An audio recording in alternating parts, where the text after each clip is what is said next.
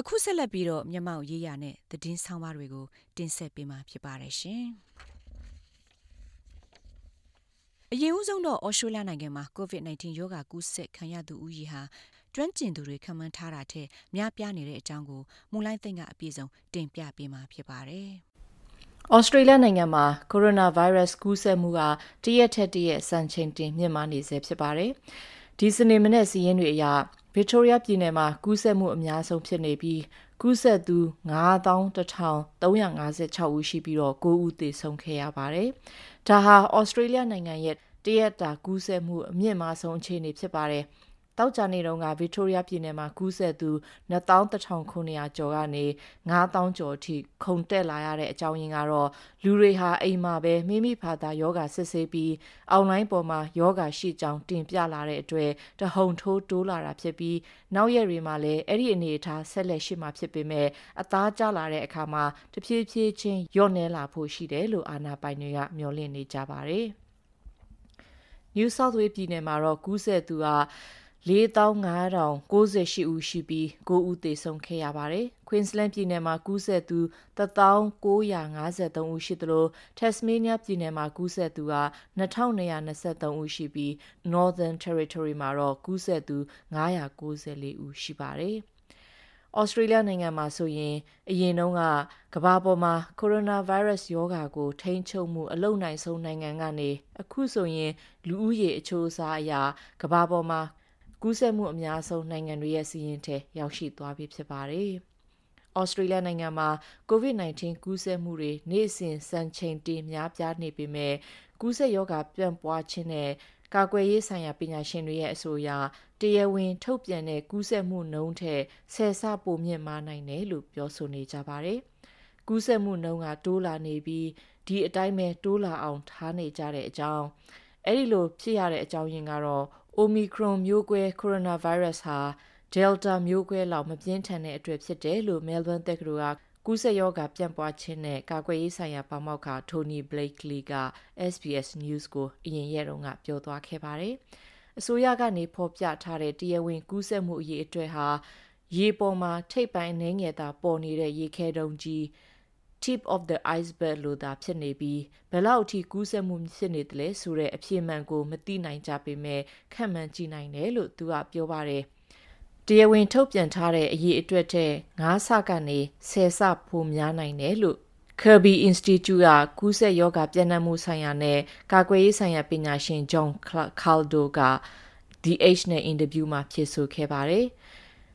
ငါးဆပိုများတယ်လို့ပဲယူဆမယ်ဆိုရင်တော့ New South Wales ပြည်နယ်မှာတရက်မှာလူပေါင်း36000ကနေ38000လောက်အထိကူးစက်ခံရတာဖြစ်တယ်လို့ပါမောက္ခ Blakely ကပြောပါတယ်။ There are survey there are population surveys that ask people about their symptoms asking about their ဒီလိုပြောဆိုချက်တွေဟာဘယ် model ပုံစံအပေါ်မှာမှအခြေခံပြောဆိုခြင်းမဟုတ်ဘဲ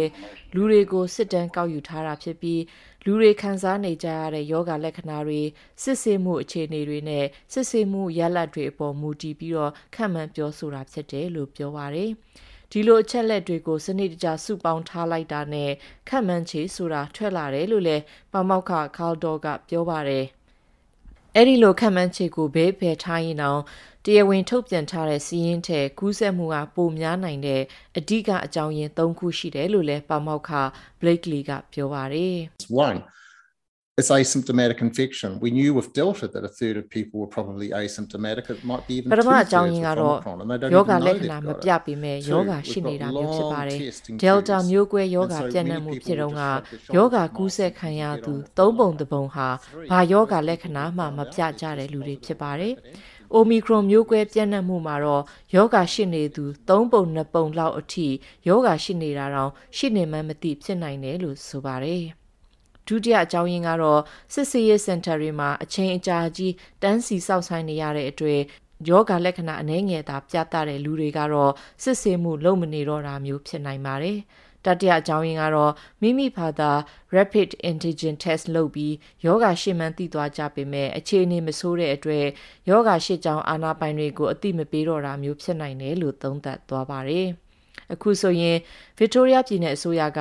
Rapid Antigen Test လုပ်ပြီးယောဂရှိကြောင်းပြသရင်မနေ့ကစပြီးအာဏာပိုင်တွေကိုမဖြစ်မနေအကြောင်းကြားရမယ်လို့ညွှန်ကြားထားပါတယ်။ဗုဒ္ဓနေ့တုန်းက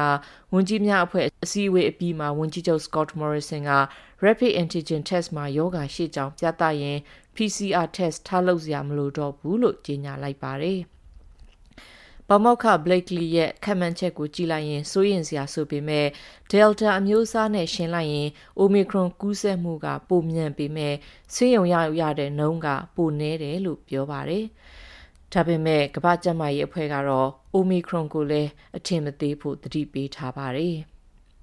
နောက်ထပ်ကောင်းကွက်တစ်ခုကတော့တရက်မှာလူပေါင်း38000လောက်ကူးစက်ခံရတဲ့အတွက်အချိန်အကြာကြီးဆက်လက်ကူးစက်မှုဖြစ်တော့မှာမဟုတ်ပဲအကြောင်းရင်းကတော့ကူးစက်ခံရမဲ့လူဦးရေမရှိတော့တာမျိုးဖြစ်သွားနိုင်တယ်လို့သုံးသပ်ကြပါတယ်။ TFPT ရဲ့ကူးစက်မှုများလို့ကူးစက်ဖို့ကြံသေးတဲ့လူဦးရေပိုပိုနှဲပါလာမှာဖြစ်တဲ့အတွက်မကြာခင် New South Wales နဲ့ Victoria ပြည်နယ်မှာကူးစက်မှုအရေအတွက်ကကျဆင်းသွားလာမှာဖြစ်တယ်လို့သုံးသပ်နေကြပါတယ်။ သရရှင်များရှင်ကိုရိုနာဗိုင်းရပ်စ်ရောဂါကနေကာကွယ်ဖို့ဒါမှမဟုတ်ကူးစက်ခံရရင်တောင်ဆေးရုံတက်ရတဲ့အဆင့်ဒါမှမဟုတ်သေဆုံးရတဲ့အဆင့်မျိုးမရောက်အောင်ကာကွယ်ဆေးတွေထိုးကြဖို့အစိုးရကဆက်လက်တိုက်တွန်းထားပါတယ်။ကာကွယ်ဆေးနှစ်ချောင်းစလုံးထိုးပြီးသူတွေဟာလည်းဒုတိယမြောက်တစ်ချောင်းကိုထိုးပြီး၄လအကြာတတိယမြောက် booster dose ကိုထိုးကြဖို့တိုက်တွန်းထားပါတယ်။ အစပိုင်းတုန်းက6လပြည့်မှထိုးဖို့ကနေ9လချားမှထိုးဖို့ပြောင်းလဲခဲ့ပေမဲ့အခုဆိုရင်လွန်ခဲ့တဲ့ရက်ပိုင်းကပဲ12နှစ်နဲ့အထက်ရှိသူဒုတိယမြောက်ကာကွယ်ဆေးတွေကိုထိုးပြီး၄လအကြာမှာတတိယမြောက်ကာကွယ်ဆေးကိုထိုးနိုင်ပြီလို့ပြောင်းလဲသတ်မှတ်လိုက်ပြီဖြစ်ပါတယ်။အသက်9နှစ်နဲ့17နှစ်အကြားကလေးငယ်တွေကလည်းဇန်နဝါရီလ10ရက်နေ့ကစပြီးကိုရိုနာဗိုင်းရပ်စ်ကာကွယ်ဆေးကိုထိုးနိုင်တော့မှာဖြစ်ပါတယ်။ အဲ့ဒီအသက်ဝန်းကျင်ရှိတဲ့ဩစတြေးလျနိုင်ငံက9နှစ်နဲ့17နှစ်ကြားလူ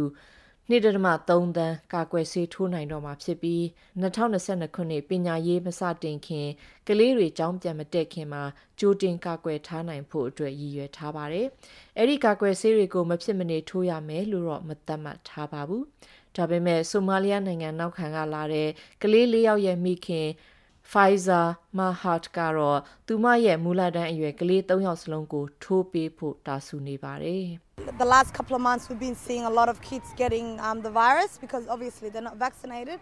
and it's you know လွန်ခဲ့တဲ့လပိုင်းတွေအတွင်းကလေးငယ်အများအပြားကာကွယ်ဆေးမထိုးထားလို့ကူးစက်မှုခံနေရတာတွေတွေ့ရပါတယ် ကာကွယ်ဆေးကသူတို့ကိုကာကွယ်ပေးနိုင်တယ်တအားမဖြန်းအောင်ကာကွယ်ပေးနိုင်တယ်ဆိုတာကိုသိရတဲ့အတွက်ကာကွယ်ဆေးထိုးခြင်းဟာအခွင့်အလမ်းကောင်းတစ်ရာဖြစ်ပါတယ်ဒါကြောင့်ကျမရဲ့သားသမီးတွေကိုကာကွယ်ဆေးထိုးပေးချင်လာပြီလို့ပြောသွားခဲ့ပါတယ်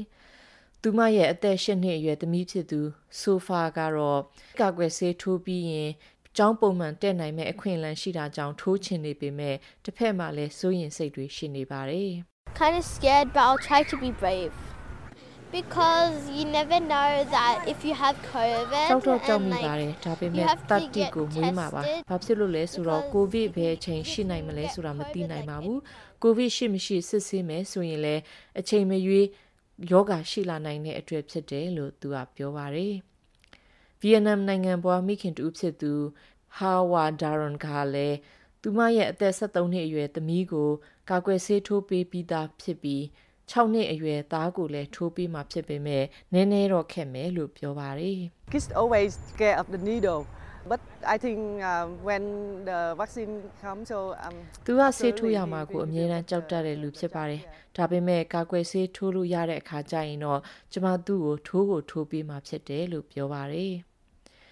လူမှုအသင်းအဖွဲ့တွေဟာလည်း လူတွေကာကွယ်ဆေးထိုးဖို့တိုက်တွန်းမှုတွေပညာပေးမှုတွေဆက်တိုက်လှုပ်ဆောင်နေပြီးဘာသာစကားပေါင်းစုံနဲ့ပြုလုပ်နေကြပါတယ်။ဇန်နဝါရီလ10ရက်ကစားပြီးမိဘတွေရဲ့ခွင့်ပြုချက်လက်မှတ်ပါတဲ့ကလေးငယ်တွေအနေနဲ့ကာကွယ်ဆေးစတင်ထိုးနိုင်မှာဖြစ်ပြီးပထမတစ်ချောင်းကိုထိုးပြီးရှစ်ပတ်အကြာမှသာဒုတိယမြောက်အချောင်းကိုထိုးဖို့ကျန်းမာရေးပညာရှင်တွေကအကြံပြုထားပါတယ်။တချို့ကလေးငယ်တွေကတော့သုံးပတ်ချမှထိုးနိုင်ပေမဲ့ ကိုကိုကျမ်းမာရေးစောင့်ရှောက်မှုပေးတဲ့လူရဲ့အကြံပြုချက်ကိုရယူပြီးရှစ်ပတ်မတိုင်ခင်ထိုးမလားရှစ်ပတ်ပြစ်မှပဲထိုးမလားဆိုတာကိုဆုံးဖြတ်ကြဖို့လဲတိုက်တွန်းထားပါတယ်။ကလေးတွေထိုးရတဲ့ကာကွယ်ဆေးဟာအသက်12နှစ်နဲ့အထက်ရှိသူလူတွေထိုးရတဲ့ပမာဏရဲ့သုံးပုံတစ်ပုံသာရှိပြီးကကလေးငယ်တွေကို Pfizer အမျိုးအစားကာကွယ်ဆေးကိုသာထိုးပေးမှာဖြစ်ပါတယ်။ ရင်ကျယောဂါရှိတဲ့ကလေးငယ်တွေလည်းကာကွယ်ဆေးထိုးဖို့အရေးကြီးတယ်လို့ကျန်းမာရေးပညာရှင်တွေကပြောပါတယ်။အကြောင်းရင်းကတော့ virus ကနေအသက်ရှူလမ်းကြောင်းတွေရောင်လာနိုင်တဲ့အတွက်ဖြစ်ပါတယ်။ဥရောပတိုက်နိုင်ငံတချို့နဲ့အမေရိကန်နဲ့ကနေဒါနိုင်ငံတို့မှာ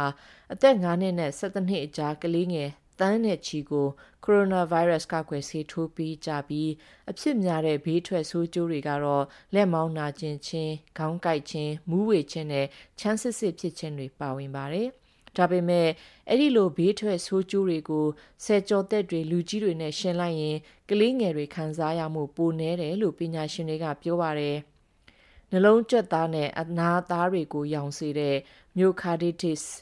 ဒါမှမဟုတ် pericarditis ဆိုတဲ့ဘေးထွက်ဆိုးကျိုးတွေကလေးငယ်တွေမှာဖြစ်ပွားမှုရှားပါတယ်လို့လည်းဆိုပါတယ်။ကာကွယ်ဆေးတွေကို GP ဆေးခန်းတွေဆေးအယောင်ဆိုင်နဲ့အစိုးရပိုင်ဆေးခန်းတွေမှာထိုးနှံနိုင်မှာဖြစ်ပါတယ်။ကာကွယ်ဆေးထိုးမဲ့ကလေးတွေကိုတေချာရှင်းပြဖို့လဲ Melbourne မြို့ဟာတော်ဝင်ကလေးသူငယ်များဆိုင်ရာဆေးရုံကဒေါက်တာ Anthea Rhodes ကပြောပါတယ်။ children will feel less concerned if they are more informed and they have some control. So talk to them about ကလေးငယ်တွေကိုရှင်းပြထားရင်စိုးရင်စိတ်တွေပူနေစေမှာဖြစ်လို့ဥပမာဘယ်နေ့မှာကာကွယ်ဆေးထိုးမယ်ဘယ်နားမှာသွားထိုးရမယ်ဘယ်သူကလိုက်ပို့ပေးမယ်စတာတွေကိုရှင်းပြထားနိုင်ပါတယ်အမှန်တိုင်းလည်းပြောရမှာဖြစ်ပေမဲ့တအားကြောက်သွားအောင်မျိုးမလုပ်သင့်ပါဘူးသူတို့ကိုရှင်းပြတဲ့အခါမှာနာကျင်မှုအကြောင်းတွေဒါမှမဟုတ်ဆေးထိုးအားစတဲ့စကားလုံးတွေကိုရှောင်ကြဉ်သင့်ပါတယ်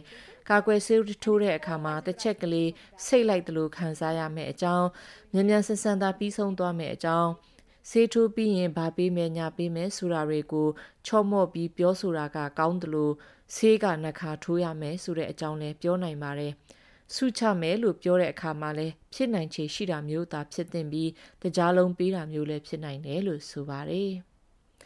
မတန်ဆွမ်းမှုဖြစ်နေတဲ့ကလေးငယ်တွေနဲ့လိုအပ်ချက်များတဲ့ကလေးငယ်တွေကိုကာကွယ်ဆေးထိုးပြီးရင်စိန်ခေါ်မှုများနိုင်တဲ့အကြောင်းဒါပေမဲ့အဲ့ဒီလိုကလေးငယ်တွေအတွက်ဆေးထိုးပြီးတဲ့နေရာတွေရှိတာကြောင့် GP ဆရာဝန်နဲ့တိုင်ပင်ပြီးအကြံဉာဏ်တွေရယူနိုင်တယ်လို့ပြောပါတယ်။ဆေးထိုးအပ်အားကိုကြောက်တဲ့ကလေးငယ်တွေအတွက်ခေါင်းပေါ်မှာတက်ပြီးဗီဒီယိုကြည့်လို့ရအောင်လုပ်ပေးတဲ့အာယုံပြောင်းစေတဲ့ဝန်ဆောင်မှုလည်းရှိတယ်လို့ရေးထားတဲ့ Philippa Carisbrook ရဲ့ဆောင်းပါးကိုတင်ဆက်လိုက်ပါရရှင်။မူလိုက်သိတင်ပြခဲ့တာပါရှင်။